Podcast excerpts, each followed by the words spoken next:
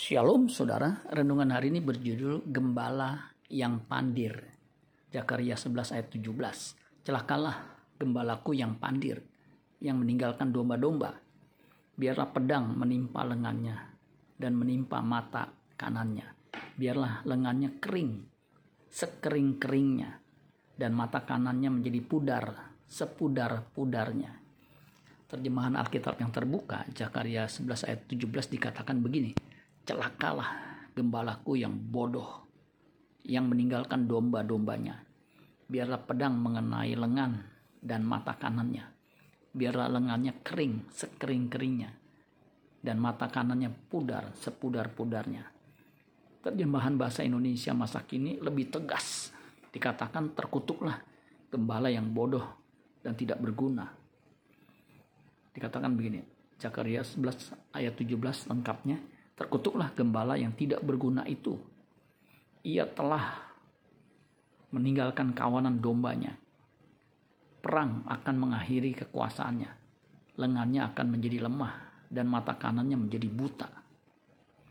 Siapakah gembala yang bodoh dan meninggalkan domba-dombanya? Yesus sang gembala agung menyingkapkan siapa gembala yang lalim itu. Yohanes 10 ayat 11 sampai 14. Akulah gembala yang baik Gembala yang baik memberikan nyawanya bagi domba-dombanya. Sedangkan seorang upahan yang bukan gembala dan yang bukan pemilik domba-domba itu sendiri. Ketika melihat serigala datang, meninggalkan domba-domba itu lalu lari. Sehingga serigala itu menerkam dan mencerai beraikan domba-domba itu. Ia lari karena ia seorang upahan dan tidak memperhatikan domba-domba itu. Akulah gembala yang baik dan aku mengenal domba-dombaku dan domba-dombaku mengenal aku. Domba sangat berpotensi diperdaya atau dibodohi dan dieksploitasi oleh gembala yang pandir ini. Ciri gembala yang bodoh dan tak berguna. Ia tidak mengenal domba-domba dan domba juga tidak mengenal gembalanya. Berbeda dengan Kristus, ia mengenal dombanya dan para dombanya dibuat mengenal dirinya anggota jemaat harus mendoakan gembalanya agar diperlengkapi oleh gembala agung. Ibrani 13 ayat 20 dan 21. Maka Allah damai sejahtera yang oleh darah perjanjian yang kekal telah membawa kembali dari antara orang mati gembala agung segala domba yaitu Yesus Tuhan kita. Kiranya memperlengkapi kamu dengan segala yang baik untuk melakukan kehendaknya dan mengerjakan di dalam kita apa yang berkenan kepadanya oleh Yesus Kristus. Bagi dialah kemuliaan sampai selama-lamanya.